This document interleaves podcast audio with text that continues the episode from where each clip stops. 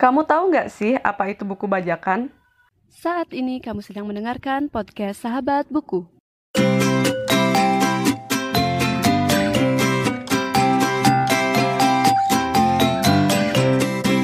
Halo semuanya dan selamat datang kembali di podcast Sahabat Buku. Episode ini merupakan rekaman audio dari Sahabat Diskusi 2 di mana aku dan teman-teman pembaca membahas tentang buku bajakan dan dampaknya terhadap industri perbukuan di Indonesia. Langsung aja dengerin episodenya yuk. Oke, jadi uh, kalau teman-teman udah sempat baca artikel yang aku berikan, jadi di sana dikatakan beberapa uh, ciri khas dari buku bajakan.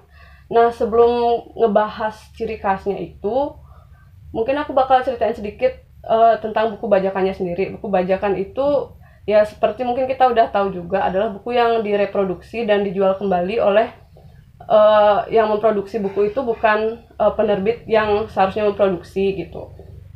Dan di sisi lain uh, dari buku fisik mungkin bisa dibilang uh, fisik dari buku bajakan itu berbeda dengan buku yang original yang berasal dari uh, penerbitnya sendiri. Terus kalau dari buku online, kalau di online mungkin bisa dikatakan uh, apa namanya ebook uh, ebook ilegal itu bisa kita temukan biasanya dalam bentuk PDF gitu yang bisa di-download di internet atau enggak mungkin di marketplace tuh ada yang jual dengan harga yang sangat murah gitu sekitar 5000 atau 2000 per bukunya. Nah, masuk ke ciri-ciri buku bajakan sendiri, uh, seperti yang mungkin teman-teman sempat nonton di uh, YouTube-nya yang aku kirim tadi, yang dari Versa Besari. Jadi yang pertama itu adalah dari punggung bukunya. Kalau di buku bajakan itu, biasanya punggung bukunya tuh nggak rapi, jadi ada bekas lem, ataupun emang cetakannya tuh nggak rapi aja. Sedangkan kalau uh, dari buku original, ya pasti uh, apa namanya punggung bukunya tuh rapi gitu. Kalaupun nggak rapi mungkin pas salah cetak aja gitu dan nggak mungkin lah semuanya itu pas uh, rusak gitu. Terus yang kedua itu ada embossnya atau uh, font yang melendung di di cover itu. Dan biasanya itu kalau buku apa namanya kalau buku bajakan tuh ya kertasnya sekedar aja gitu yang ya namanya buku bajakan gitu mereka tuh kan uh, apa tuh mungkin modalnya semurah-murahnya yang penting bisa jualan gitu kali ya Terus yang ketiga masalah kertas. Seperti yang mungkin ini paling paling sering dan mungkin paling kentara ya antara buku original dan juga buku bajakan. Kalau buku bajakan tuh biasanya pakai kertas buram atau enggak fotokopian. Terus uh, apa namanya? Dia itu cetakannya juga nggak rapi, kadang mereng ataupun uh, ya ada tulisan-tulisan yang nggak kelihatan gitu. Terus selanjutnya biasanya juga bagian yang kayak biografi ataupun yang bagian-bagian belakang yang mungkin kayak iklan buku gitu itu tuh benar bisa aja nggak kelihatan benar-benar fotokopian sampai hitam gitu kertasnya seperti yang aku sempat tonton itu terus juga kalau kita belanja online ataupun belanja offline harga dari buku-buku bajakan tuh cenderung murah banget jadi mungkin harga pasar dari sebuah buku itu mencapai 80 ribu si penjual buku bajakannya jualnya sekitar 20.000 atau 30.000 kayak gitu. Dan mungkin yang apa namanya? Yang terakhir dari warna sampul itu kelihatan banget warna sampulnya itu mungkin kalau yang bajakan tuh kayak sekedar berwarna aja, sedangkan kalau yang uh, buku original tentu warnanya totalitas gitu bagus gitu warnanya. Dan bahkan uh, buku bajakan apa namanya? produsen buku bajakan sendiri menggunakan kata-kata yang e, bisa dibilang kayak mirip original gitu atau enggak repro dicetak sendiri gitu itu tuh udah pasti bajakan dan kadang juga saking mungkin ini teknik marketing buku bajakan gitu ya ada kata-kata kayak mirip dengan aslinya atau isi bukunya sama kayak gitu. KW super dan lain-lain. Yang menandakan kalau buku ini tuh layak dibaca gitu padahal dia memproduksi sendiri bukunya. Dan selain itu ada bentuk-bentuk pembajakan buku tuh seperti yang tadi ada buku fisiknya uh, yang dijual di marketplace mungkin. Terus ada ebook ilegal yang bisa di-download di screenshot ataupun dijual kembali uh, di marketplace yang kayak aku bilang mungkin harganya jatuh banget dan itu tentu tidak melewati izin dari uh, apa namanya izin dari penerbitnya sendiri. Nah, uh, di sisi lain sebenarnya proses penerbitan buku itu tidak mudah tentu saja. Dia melibatkan berbagai macam uh, apa namanya berbagai macam pihak. Seperti yang pertama tuh dari penulisnya. Uh, ada penulis, habis itu ada editor, ilustrator, desainer sampul, percetakan dan baru mungkin bisa sampai ke toko bukunya. Nah, dari sana mungkin kita bisa mengetahui gitu apa sih uh, apa namanya perbedaan dari buku bajakan dan juga buku original. Nah, uh, aku mungkin mau melemparkan pertanyaan nih uh, kepada teman-teman. Sebelumnya, apakah teman-teman tahu apa itu buku bajakan dan mungkin bisa diceritakan sedikit nih pendapat teman-teman mengenai uh, buku bajakan itu? Mungkin ada yang mau duluan gitu menyampaikan pendapatnya.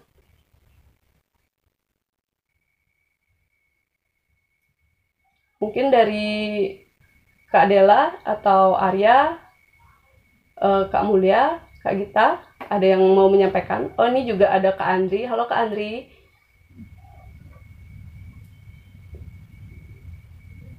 Halo Vera. Halo. Uh, Iya nggak apa-apa Kak. Uh, jadi tadi kita udah uh, dari aku udah menyampaikan sedikit uh, apa namanya kayak summary dari dari artikel yang tadi kita uh, sharing gitu di di grup mungkin ada yang mau menyampaikan pendapatnya gitu tentang buku bajakan ada yang mau pertama gitu mungkin sebelum uh, yang lain aku aku aku iya boleh silakan kak Gita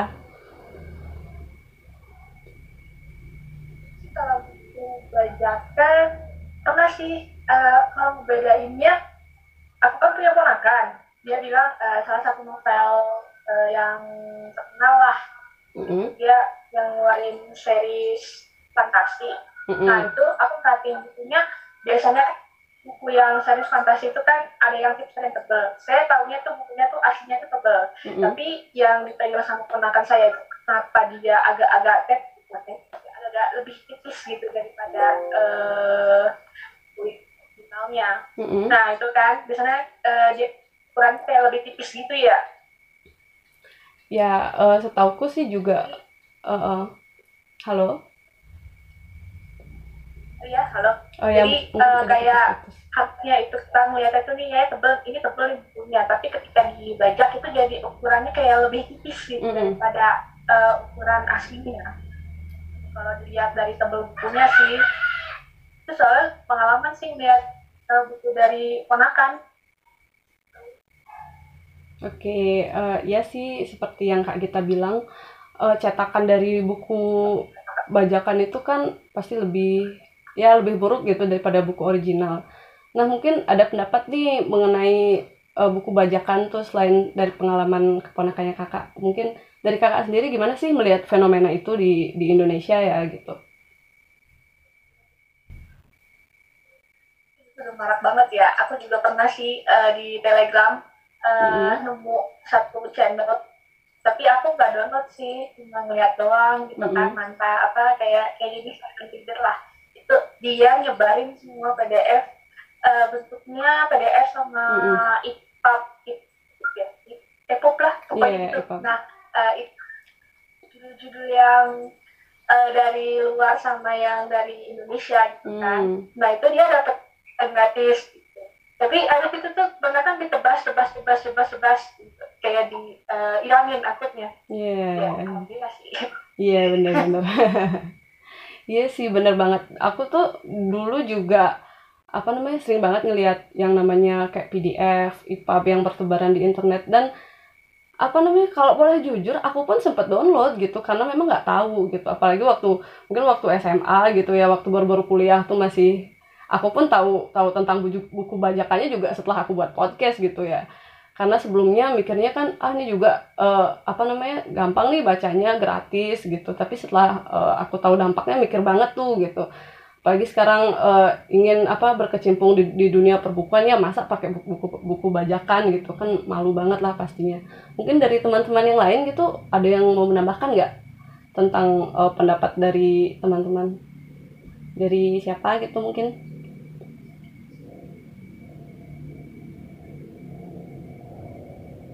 dari Kak Andri. Halo Era, Halo. yang kan aku lagi pengalaman sedikit ya, Mm-mm. kayak buku bajakan, lebih kayak yang tadi Era bilang sih, yang yang lain, yang dalam bentuk PDF. Mm-mm. Itu pun karena juga nggak tahu juga pada saat itu itu buku bajakan. Jadi itu bukunya bukunya Ang, itu Bumi Manusia. Mm-mm. Itu sebenarnya aku sempat pengen minjem di salah satu perpustakaan lah. Mm-mm. tapi karena alasan domisili jadi nggak diperbolehkan untuk meminjam Oke. karena lagi pengen, pengen bener baca akhirnya berusaha nyari di internet ada nggak sih yang PDF gitu Mm-mm. dan ternyata ketemu gitu akhirnya baca yang PDF tapi sekarang syukurnya udah ada sih punya yang orinya Oke. Walaupun sebelumnya sempat baca yang PDF-nya jadi banyak karena nggak tahu juga pada saat itu Mm. dan mau minjem juga nggak dapat kesempatan buat minjem karena Mm. mungkin di perpustakaan yang itu nggak boleh minjem karena sekali lagi kan perpustakaan biasanya sih minjem dengan alasan domisili ya kecuali Iya. yang provinsi Mm-mm. kayak gitu jadi yang lucunya anggaplah ini apa tetralogi buru tuh yang di provinsi itu ada rumah kacanya aja Oke. yang di Badung ada anak semua bangsa sama jejak langkahnya bumi Mhm. manusianya itu ada di Kabupaten Gianyar gitu Oke. nah itu lah Iya, iya, iya. akhirnya bingung juga kan yang tiganya dapat yang satunya nggak dapat karena lagi-lagi ya domisili tadi itu pun yang syukurnya yang kabupaten lain mau nerima sih untuk aku Hmm. minjem bukunya Oke, oke, oke. kalau dari aku kalau apa buku bajakan secara fisik belum belum pernah Hmm. Oke. kasih Eh, mungkin menyambung sedikit ya dari ceritanya Kak Andri tadi. Kalau aku mungkin sempet waktu baru kuliah nih eh, ada mungkin waktu tuh pengen beli buku gitu kan. Pas ada budget pengen beli buku, beli buku series nih, beli buku series terus ternyata buku 2, 3, 4-nya tuh ada di toko buku. Dan aku mikir dong, kenapa yang satunya nggak ada? Terus aku nanya ke kasirnya, bilangnya stoknya habis gitu. Dan kebetulan waktu itu toko bukunya tuh cuma satu jadi ya mikirnya gitu mending cari di internet ada nggak ya? Eh ternyata ada gitu. Terus aku baca dan ya kalau mungkin teman-teman denger episode podcastku di awal-awal tuh aku ceritain tuh eh, buku mana yang yang aku baca PDF-nya gitu. Dan itu terus eh, setelah aku tahu bahwa sebenarnya baca PDF itu ya buku bajakan juga walaupun secara online gitu tapi sama aja lah. Jadi akhirnya pas stoknya udah udah ada di toko bukunya aku beli beli buku yang eh, yang ori gitu. Kebetulan waktu itu kak boleh spill sedikit ya aku belinya di Toga Emas gitu. Dan mungkin dari teman-teman yang lain ada cerita lain nih tentang tentang buku bajakan. Boleh nih diceritain aja. Dari Kak Mulia dari Arya atau Kak Dela bisa ini? Ya Kak Mulia silakan. Aku mau bagi sharing sharing pengalaman kemarin baru kemarin aja aku habis thrifting buku di Blok M. Mm, kan di Blok M banyak banget buku-buku bekas yang dijual dan salah satunya juga ada buku apa namanya buku bajakan di sana ya. Mm, di sana cukup terang-terangan sih sebenarnya kalau apa bisa kita bisa tanya kalau mau beli buku ori atau non ori gitu kan mm, tapi emang yang non ori itu sekarang menurut aku orang-orang yang di industri buku bajakan ini lebih pinter ya maksudnya Iya. uh, buku-bukunya itu ditingkatkan lagi isi isi kualitas kertasnya gitu kak jadi Mhm. sekarang walaupun masih pakai kertas buram tapi kertas buramnya itu putih sekarang warnanya jadi Oke. kalau buku itu masih disegel pakai plastik kita mungkin dari jauh gitu nggak kelihatan kalau itu tuh buku non ori gitu Oke. Iya, aku baru tahu sih. jadi kalau mau bedain sekarang itu harus dibuka bukunya dan kita bisa lihat kertasnya itu benar kertas buku atau kertas buram yang warnanya Hmm. putih gitu loh kak Oke. gitu Iya. terus mungkin dengan kualitas yang meningkat kayak gitu mereka jadinya apa covernya mungkin ya cetakan covernya mungkin kan sekarang buku-buku original banyak tuh yang timbul-timbul gitu Hmm. Tapi mereka jadinya covernya tidak ditimbulin gitu Iya, benar-benar. Oke. menurutku sih daripada beli non ori mendingan kita cari buku bekas sih kan banyak di internet Hmm. sekarang yang orang-orang yang jual buku bekas gitu sih Iya, benar-benar. Oke, terima kasih Kak Mulia. Mungkin yang lain ada yang mau menambahkan? Dari Arya atau Kak Dela, boleh? Oke, Arya duluan, boleh.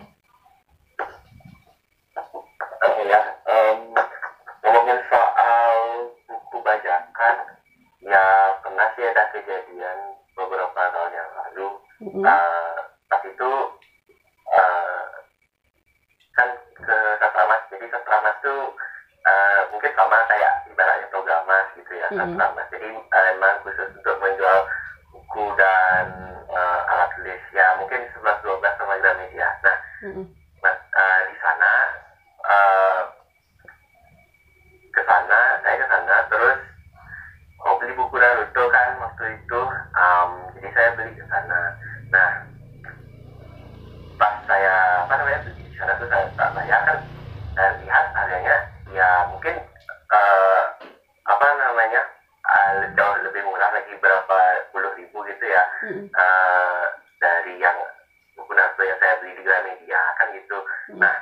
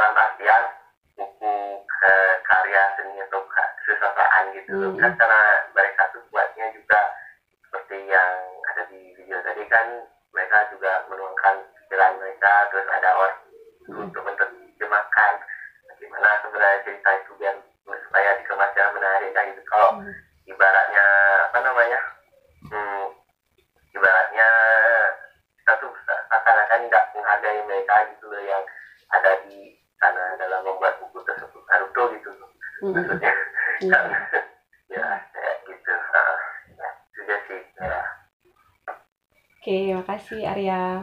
Eh, sebenarnya benar banget sih yang tadi eh, ditambahin sama Arya masalah apa namanya buku itu kan diproses gitu dengan pemikiran pen- penulis, belum lagi editor dan berbagai pihak lain yang mempengaruhi sebuah buku tuh bisa terbit gitu.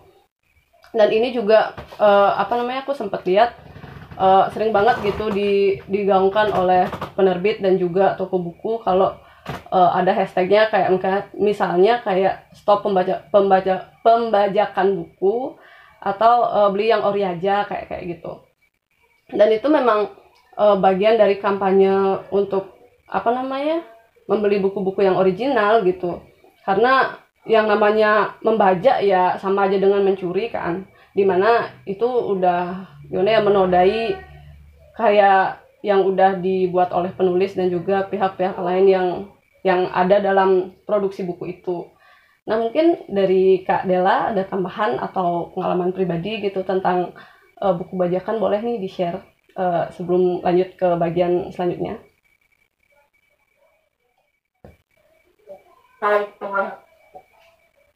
Sebenarnya kalau mau belajar pintu juga belajar kalau pintu eh, kalau dari penjual buku bajakan sendiri aku itu setuju sama sekali. Misalkan dia mencari untung dari eh, apa sih namanya? Dari hasil karya orang itu yang penulisnya juga penulis terbit dan orang lain di belakang karya itu tidak tidak mendapatkan eh, uang apa pun gitu dari dari apa yang mereka perbuat. Tapi kalau misalkan dari kalau misalkan dari eh, pembaca sebenarnya ada beberapa faktor beberapa faktor yang menurut aku agak bisa dimaklumi sebenarnya. Yang pertama mungkin dari ketidaktahuan orang-orang terhadap buku bajakan atau ilegal itu dampaknya kayak gimana gitu. Ke penulis atau peneliti terkait. Terus juga yang kedua tuh kayak akses akses bacaannya gitu. Atau akses kayak misalkan beli bukunya tuh susah gitu aksesnya tempatnya tuh dari dari toko buku entah jauh atau dari perpus itu jauh atau misalkan dia tidak punya eh, banyak misal nggak nggak mesti punya banyak uang sih untuk beli buku original. Maksudnya eh, uangnya itu tidak diutamakan untuk membeli eh, membeli buku gitu. Tapi dia mungkin punya keperluan lain eh, untuk memenuhi kehidupan dia gitu kan seperti itu. Kalau misalkan itu menurut aku sih gimana ya ada pemakluman kalau buat aku ya. Cuma karena tapi tapi itu bukan untuk dikomersilkan gitu tapi untuk diri sendiri aja gitu. Dan bukan berarti dia tuh kayak harus gue bangga nih baca buku bajakan gitu. Dan enggak gitu. Soalnya ada beberapa yang kayak pembaca ibu ilegal tuh yang kayak di telegram tuh mereka tuh rata-rata tuh songong gitu kayak malah galak banget gitu sama orang yang tahu kalau eh, jangan dong baca ibu ilegal ini nggak boleh gitu. Tapi mereka tuh kayak songong gitu kayak nantang eh, lo tuh siapa gitu. Terus eh, emang lo tuh bisa beliin kita tuh buku yang Waduh. asli gitu. Kalau bisa ya udah gue nggak akan baca Iya. ibu bajakan gitu. Gue akan terima buku dari lo. Ini mereka tuh gak lebih galak daripada ngasih tahu kan serem ya? Parah sih kak parah sih. Tuh, aduh iya oh, galak setuju mbak. Yang pernah ngerasain. Kok bisa ya? Aduh parah sih sumpah. Aduh.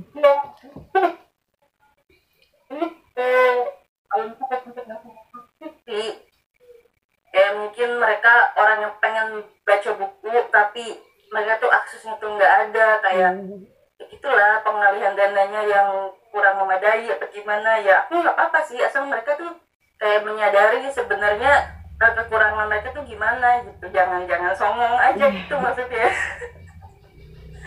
Aduh. Gitu aja sih.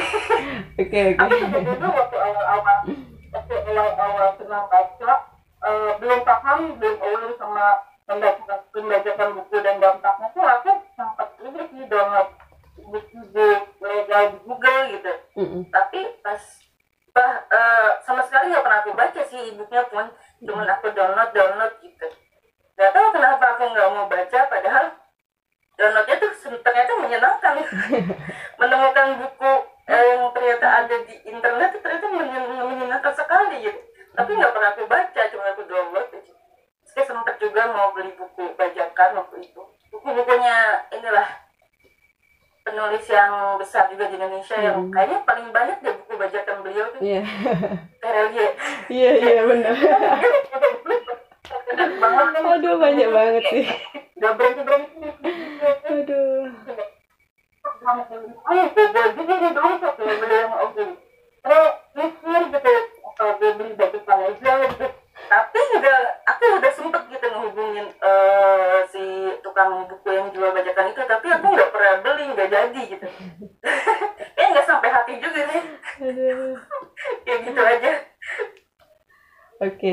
terima kasih kak Oke, Dela udah.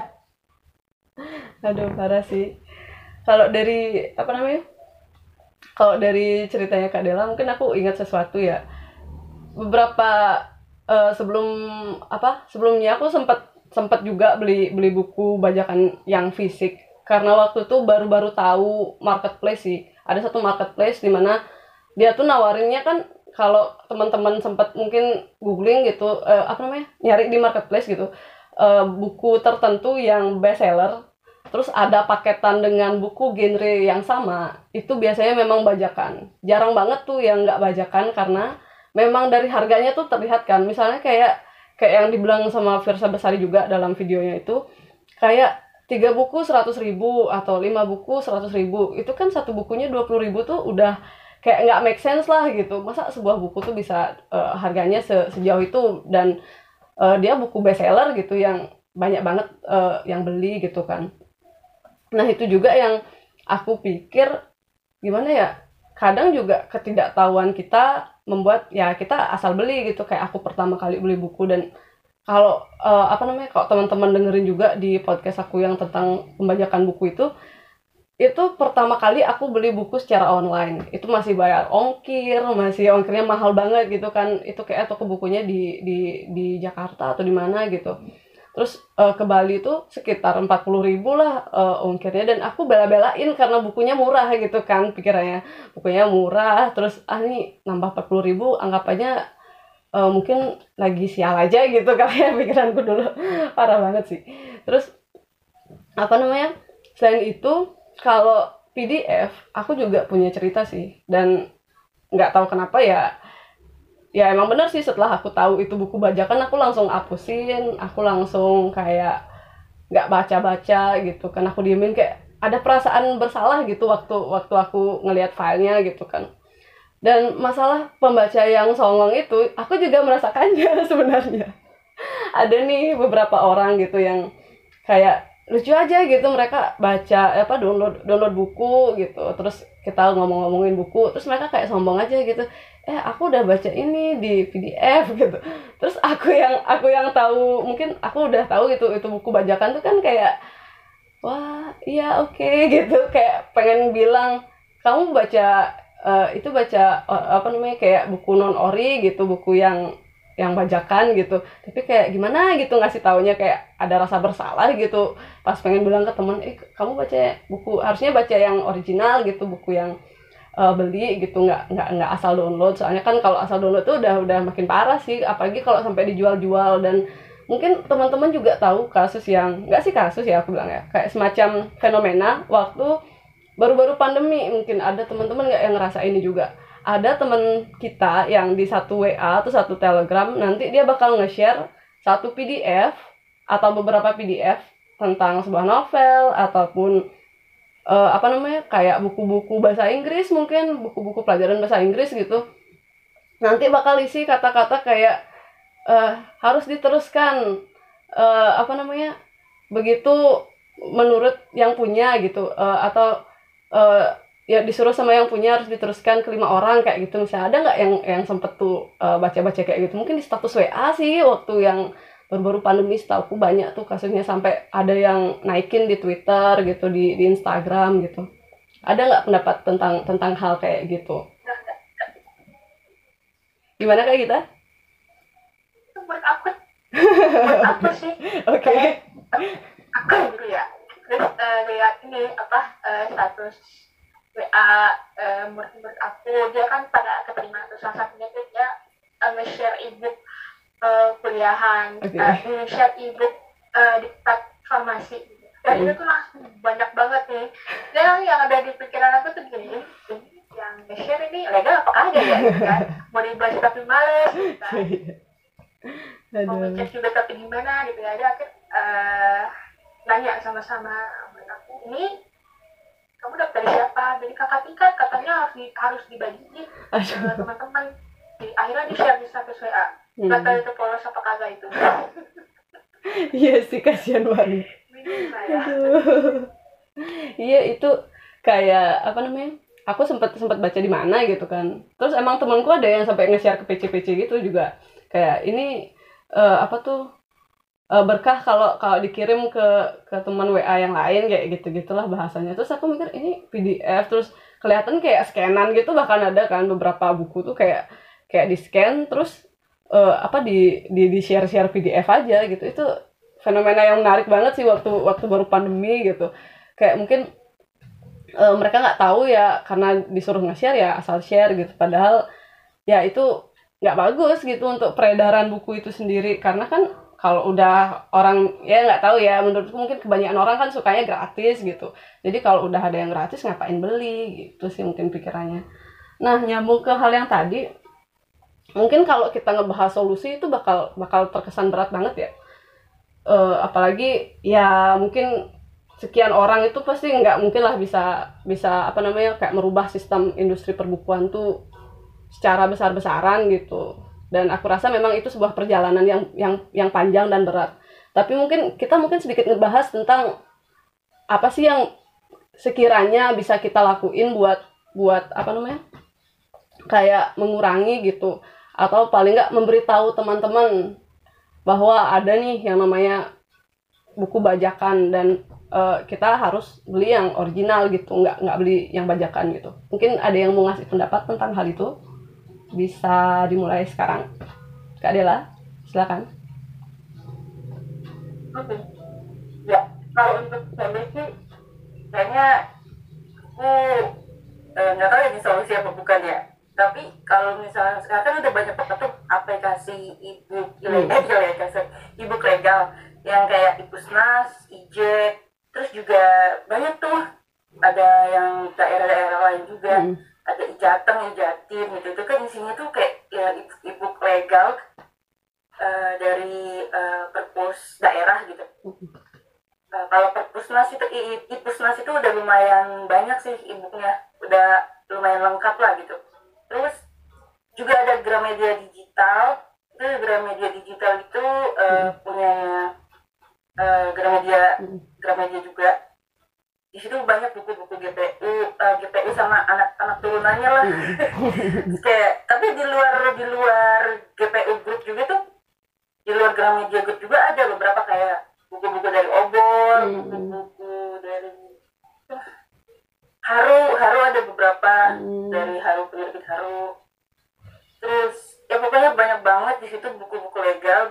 Lebih murah sih subscribe itu eh, langganan bulanannya tuh kayak 89.000 tapi eh, biasa dia ada potongan harga. Kalau misalkan kita beli di Shopee dan itu jadi promo ya. tapi tapi nggak itu apa-apa nggak ada apa-apa. ada eh apa apa bukan bukan ini ya bukan orang yang pro bukan orang orang media bukan. Iya iya kak. Eh media terus eh, grand media bisa untuk dua dua device gitu device bisa dua HP jadi patungan sama temen gitu Hmm. berapa berapa nggak nyampe lima puluh ribu sih kalau untuk berdua Hmm. bisa lah untuk satu bulan Hmm. Oke. kalau mau gratis ya Ipusnas itu sih kalau Oke. untuk yang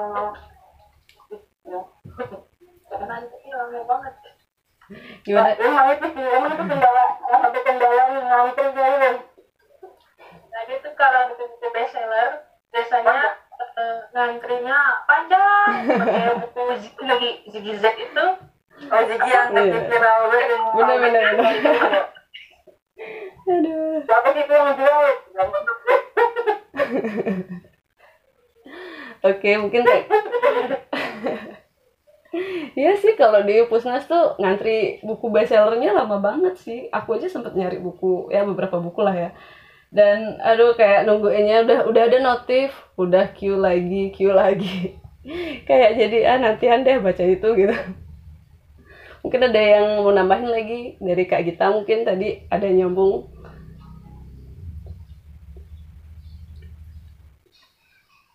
kalau aku agak sadis aku kan eh, aku kan ini eh, pernah punya pengalaman sih.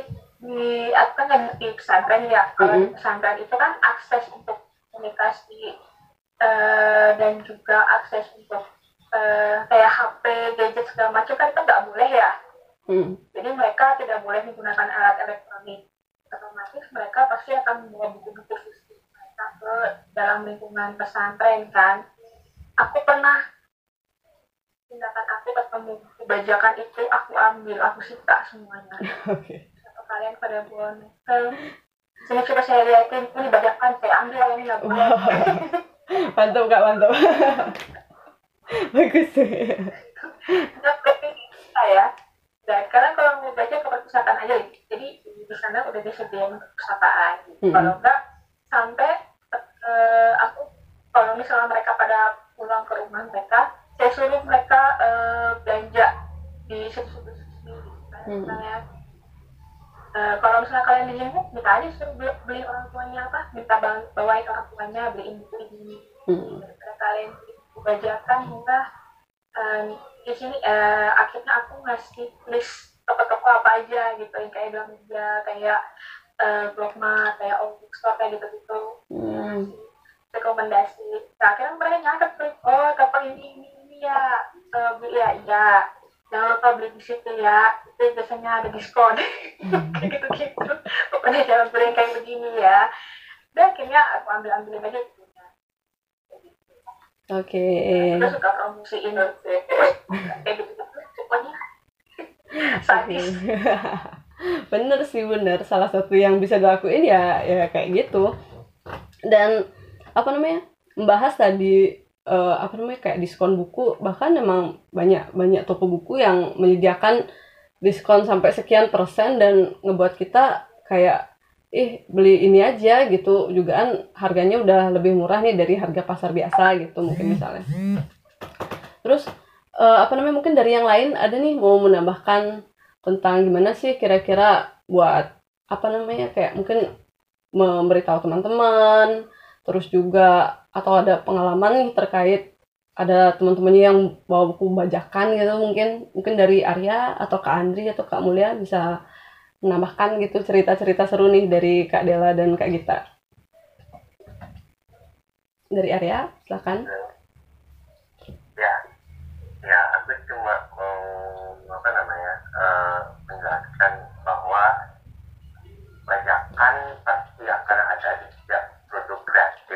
hmm. yang ada di di- intinya di pasaran gitu ya.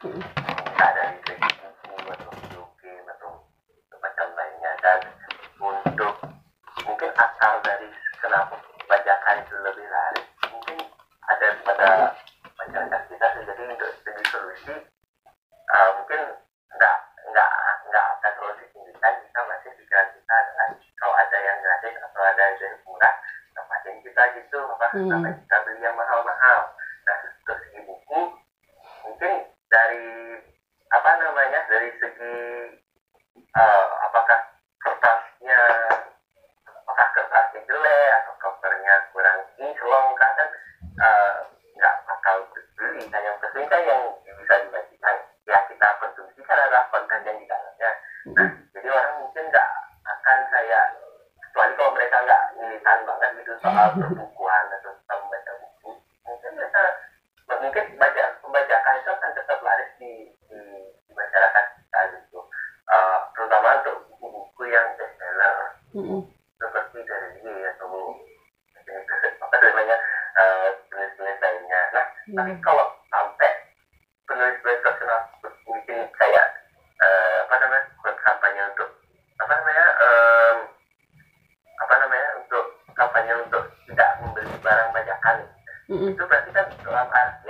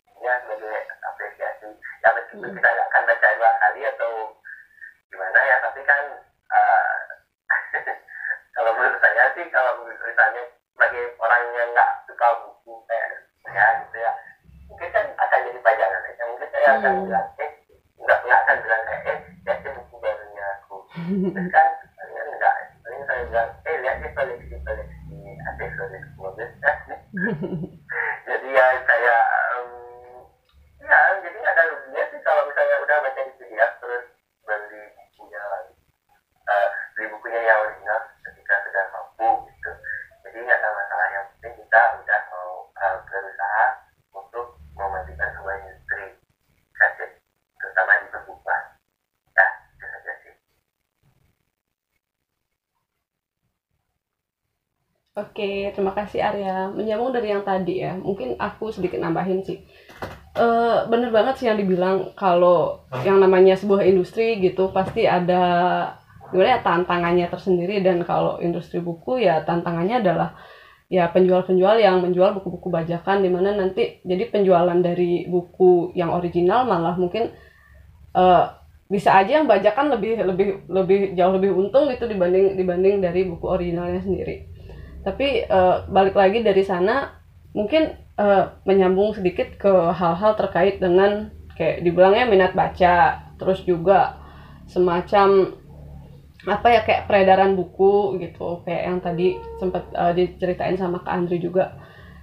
Yang namanya gimana ya aku mikir kalau kita melihat sebuah perkembangan industri gitu mungkin memang ada masanya di mana apa namanya karena orang-orang tidak mungkin tidak aware atau juga tidak tahu lah gitu mengenai buku-buku bajakan gitu malah memang buku bajakannya yang yang lebih banyak dan di sisi lain itu mengganggu uh, industri bukunya sendiri sebenarnya. Tapi ada masalah lain nih ada masalah tentang minat baca gitu. Semua orang bilang minat baca orang Indonesia rendah gitu kasih dong buku biar biar minat bacanya naik gitu. Terus kalau misalnya nih kita uh, bisa dibilang kayak punya minat baca rendah. Terus akhirnya karena ada buku bajakan nih yang lebih murah yang lebih uh, gampang dicari gitu misalnya. Malah uh, itu mungkin katanya bisa meningkatkan minat baca karena uh, apa namanya bukunya kan udah ada gitu. Nggak nggak nggak beli mahal-mahal gitu misalnya. Mungkin teman-teman punya nggak sih pendapat tentang uh, apa namanya fenomena ini? Karena mungkin itu ya yang banyak diperdebatkan di internet tentang uh, minat baca dan juga uh, keberadaan buku-buku murah gitu dengan buku-buku bajakan lah salah satunya yang yang mungkin murah gitu. Gimana nih ada ada pendapatnya nggak kira-kira? Mungkin dari Kak Andri atau Kak Mulia yang tadi mungkin udah uh, sedikit kelewat. Halo Ra. halo. Aku mungkin share sedikit ya pengalaman. Mm. kalau untuk minat baca sebenarnya sih menurutku ya kalau minat baca Indonesia itu lumayan tinggi. Kenapa? Karena jujur aja banyak banget tuh buku online atau terutama hmm. di mana-mana banyak banget. Cuman kalau untuk yang ke perpustakaan itu memang hmm. aku lihat masih kurang ya. Hmm. Mungkin entah karena kendala geografis, kesibukan hmm. atau semacamnya. Jadi karena aku biasanya libur ke perpustakaan jam 12 tuh aku bisa bisa jadi pengunjung yang pertama bener-bener aku doang yang ke sana hmm. jadi benar-benar kosong banget perpustakaan kalaupun ada yang ke perpustakaan paling nyari wifi buat ngerjain tugas syukur-syukur tapi hmm. biasanya banyak yang cuma buat game online doang hmm. makanya kadang juga miris juga sih. Ke perpustakaan kunjungan tinggi tapi orang-orang pada bukan baca tapi main game gitu. Karena itu yang aku lihat di perpustakaan yang aku kunjungi biasanya sepi banget. Ya nggak salah juga sih perpustakaan kayak ditinggalkan gitu. Koleksinya berdebu nggak ada update. Ya kalau yang memang benar-benar suka buku mereka kan pasti carilah buku di sana apa yang bisa dibaca buat mengembangkan wawasan dan lain sebagainya hmm. tapi kalau yang orang yang ke sana buat sekedar nyari tugas itu aja udah males hmm. karena kotor nggak terurus mungkin pelayanannya juga kurang bagus hmm. jadi kesannya mungkin minat bacanya rendah karena mungkin yang salah satu dipakai tolak ukur untuk mengukur itu hmm. tempat aku baca itu adalah kunjungan ke perpustakaan sementara mungkin perpustakaan sendiri koleksinya nggak update pelayanannya hmm. mungkin masih perlu ditingkatkan juga mungkin promosi mungkin juga dengan mobil keliling perpus itu kan ada hmm. mungkin perlu ditingkatkan ya monggo lah pemerintah hmm. buat apa ya kasih promosi lah misalnya terkait harga buku mungkin pajak kan dikenakan ya untuk hmm. buku kan mau mencerdaskan kehidupan bangsa mau ya dihapuskan lah pajaknya biar lebih murah. Kalau bisa kan gitu. Yeah. kalau bisa. Kayak solusi pembajakan buku aku biasanya emang lebih sering minjem buku perpustakaan yang Ipusnas pernah cuman aku masih kurang nyaman untuk baca lewat layar. Mm jadi aku lebih suka baca lewat fisik bukan berarti kalau baca digital itu jelek ya. Mm cuman emang orang kan nyamannya beda-beda. Ada mm yang lebih seneng di fisik ada yang digital itu oke-oke aja lah. Jadi aku sering minjem di beberapa kabupaten aku coba-coba aja. Bisa nggak bikin kartu anggota? Oh di sini bisa di sini bisa. Dan berapa emang ditolak? Karena mungkin aku nggak tahu diri ya gitu. Dari mana asalnya di mana mau minjem di sini. Tapi kan kalau kita nggak mengembalikan tepat waktu ada dendanya jadi aku berani tanggung lah. Cuman memang aturannya mungkin seperti itu ya sudahlah ikut di aturan aja. Oke. Bisa minjem di temen juga. Mungkin kalau nggak apa ya nggak punya duit gitu. Itu salah satunya aku mau minjem ke era sebenarnya. Iya. Karena mungkin era kaget "Eh, ini siapa ini? Ya pengen nambah kenal juga pengen minjem itunya sebenarnya iya iya iya. Ya biar punya duit ya nambah koneksi lah lewat Mm-mm. orang-orang mungkin itu bisa sharing bacaan Mm-mm. bisa berbagi bacaan juga. Kayak gitu. Oke. Jadi ya mungkin kayak gitu sih dari aku. Karena mungkin juga kalau di toko-toko besar itu kan kebanyakan mereka sewa propertinya mungkin mahal ya Mhm. karena di mall-mall. Jadi mungkin itu juga salah satu yang bikin tambah besar sih biaya bukunya iya benar-benar kenapa bajakan jadi murah? Ya karena mereka nggak bayar sewa. Nggak bayar pajak nggak bayar royalti penulis distribusi ya jadinya murah. Kayak Mm-mm. gitu. Yang memang meningkatkan minat baca juga sih. Tapi kan caranya nggak baik. Iya. Ya Iya. itu sih dari aku. Mm-mm.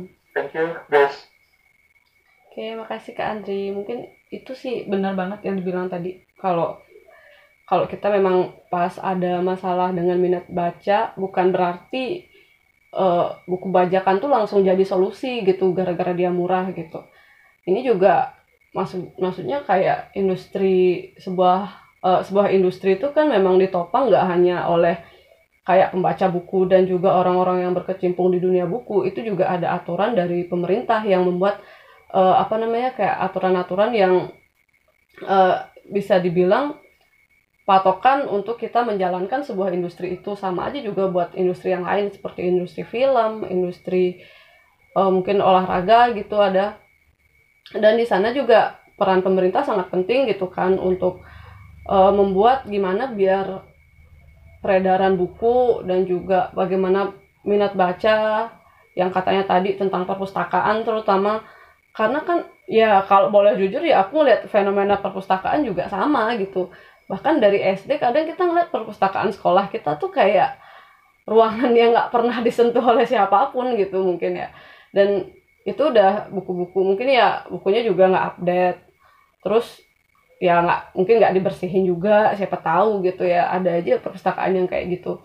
Jadi di sini ya nggak nggak peran kita sebagai mungkin audiens saja tapi juga ada peran peran lain seperti pemerintah belum lagi juga eh, orang-orang yang berkecimpung di dunia buku lainnya nah mungkin dari kak Mulia ada tambahan nggak mengenai hal-hal tadi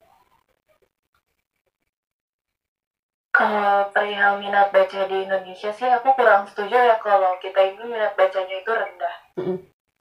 Karena um, aku dan circle-circleku yang lain gitu, teman-temanku tuh banyak banget yang download webtoon atau Mm-mm. webpad gitu ya. Jadi mereka bisa sambil baca kalau ke- ketika mereka mau berangkat kerja atau pulang kerja gitu.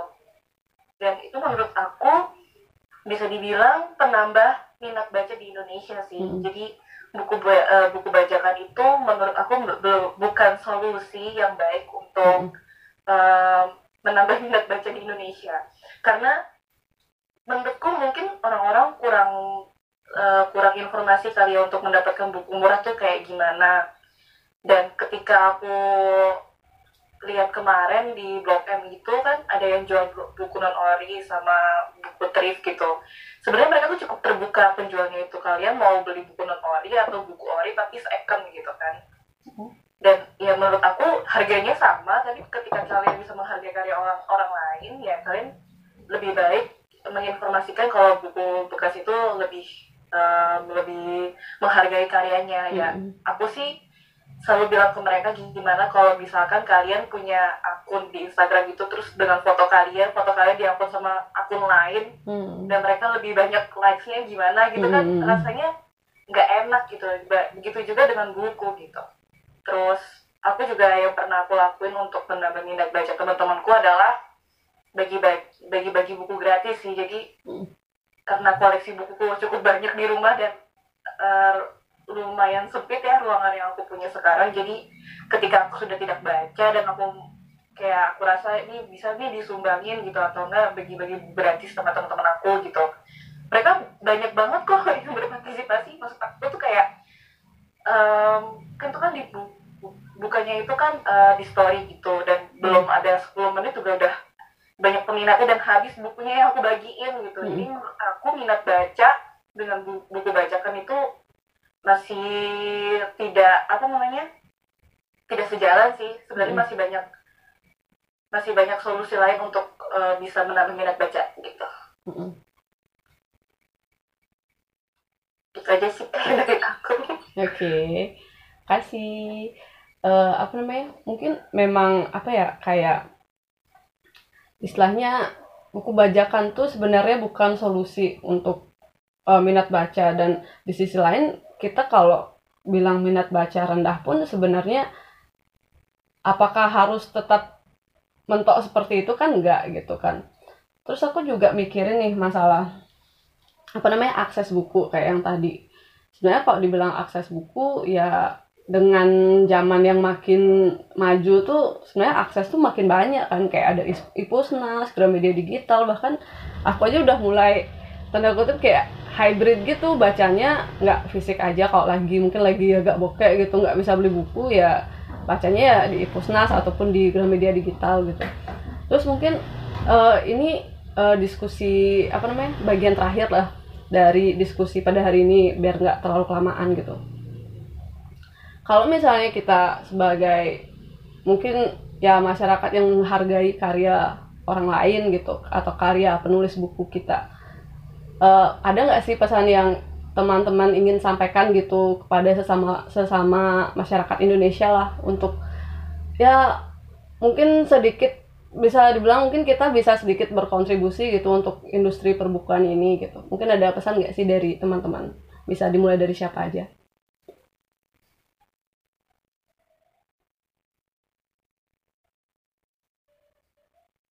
Dari Kak Dela atau Arya mungkin ada bisa menyampaikan pendapat?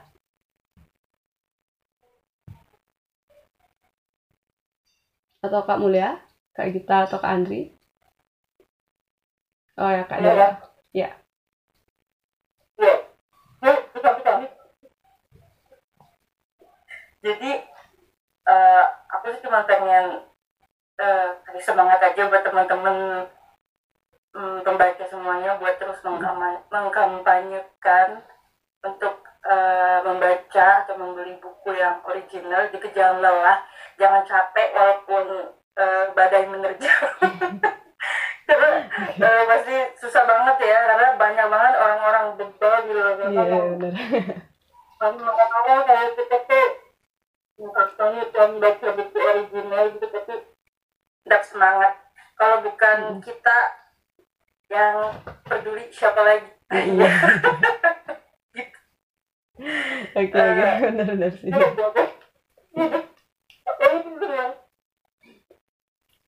Oke, eh, makasih Kak Dela. Mungkin yang lain ada tambahan nggak?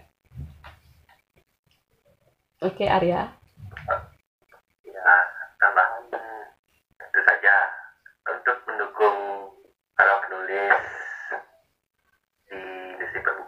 Tentulah saja.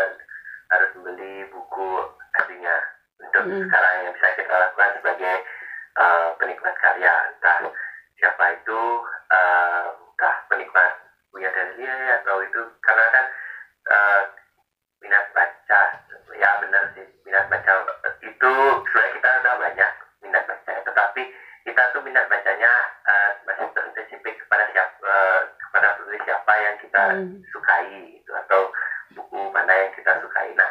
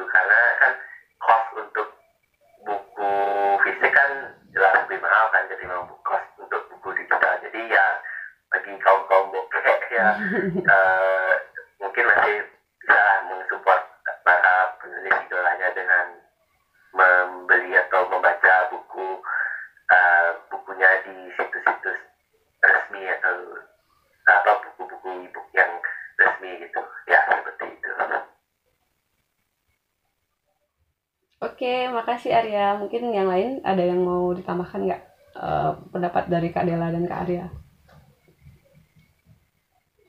Oke, Kak Gita. Katanya jarang banget beli buku ya. Jadi bisa dibilang kalau buat beli buku bokeh lah. Tapi kalau mau beli pesen, daripada kamu beli buku bajakan, mendingan kamu datang aja ke perpustakaan terdekat, cari buku, habis itu kamu bisa pinjam Uh, minggu sekali ke perpustakaan jadi uh, minjem bukunya. Atau banyak-banyak berdoa semoga toko-toko buku yang ofisial itu memberikan diskon yang besar jadi bisa membeli buku original dengan harga yang uh, sesuai dengan budget. Banyak berdoa aja. Iya yeah, benar-benar setuju yeah. banget sih kak. Oke okay, dari kak kita mungkin dari yang lain uh, ada mau menambahkan nggak dari Kak Mulia mungkin mau menambahkan? Oh, Kak Andri dulu, oke. Okay. Jadi aku nambahin kurang lebih sama sih sama yang lain. Mm-hmm. Mungkin biar tetap beli yang ori. Kalau emang nggak punya duit ya minjem lah, mm-hmm. minjem ke perpus, bisa yang digital atau yang terdekat, yang fisik. Monggo yang mana aja. Atau mm-hmm. kalau nggak ya pinjam di temenmu. Tapi kalau minjem ya mau ya tahu diri juga, jangan dirusakin. jangan dianggap milik sendiri mm -mm. ditanyain nggak nggak mau balikin malah sering kayak gitu yeah. ya tahu diri di kita kalau nggak punya duit ya minjam kalau memang pengen banget ya nabung mm -mm. ya pemerintah juga mungkin bisa bikin regulasi mm -mm. biar mungkin dikasih hukuman yang lebih berat lah buat pembajak biar mereka jerah mm, biar penulis juga makin produktif lah bikin karya-karyanya jadi kita makin semangat buat baca dari yang previous thank you. Oke makasih kak Andri. Mungkin yang terakhir dari kak Mulia ada tambahan nggak kira-kira? Kalau aku tambahannya sih dari diri sendiri ya beli hmm. buku ori dulu aja gitu ya. Hmm. dan mungkin kalau kalian punya koleksi banyak buku bisa suatu saat nanti bukunya itu disumbangin ke komunitas-komunitas gitu kan hmm. yang nampil buku bekas mungkin ya. Karena mungkin dari sumbangan buku itu jadinya teman-teman kita yang di luar Pulau Jawa bisa menikmati buku mm -hmm. bagus juga yang pernah kita baca gitu. Itu aja sih. Oke makasih Kak Mulia. Mungkin uh, apa namanya sedikit merangkum ya dari dari obrolan kita. Jadi sebenarnya memang bisa dibilang dampak dari buku bajakan dari uh, dampak dari buku bajakan itu sangat besar walaupun tidak terlihat sekarang gitu. Dan kita bisa melakukan berbagai macam hal untuk uh, menanggulangi uh, pembajakan itu gitu dengan mungkin membaca di e-book yang legal gitu kayak Ipusnas dan media digital dan juga perpustakaan-perpustakaan online yang ada udah ada aplikasinya gitu di di, di handphone masing-masing. Terus kita bisa tentu bisa nabung gitu kalau memang pengen beli buku tertentu gitu dan nanti mungkin belinya di toko buku yang memang udah pasti uh, ngasih buku original dan selain itu uh, apa namanya kita juga bisa ya mungkin uh, apa namanya setidaknya gitu memberikan awareness juga buat buat teman-teman yang nggak tahu gitu dengan mengkampanyekan uh, apa-apa yang kita udah bahas tadi kayak gimana caranya biar biar tahu tentang buku bajakan bajakan itu seperti apa kayak gitu. Nah mungkin uh, penutupnya itu dan terima kasih lagi untuk teman-teman yang udah bisa join pada diskusi pada malam hari ini. Dan sebagai penutup mungkin boleh dong foto bersama gitu sebagai kenang-kenangan yang bisa hidupin kamera gitu boleh dihidupin bentar aja. Ya nggak nyampe 10 detik kok. Gimana?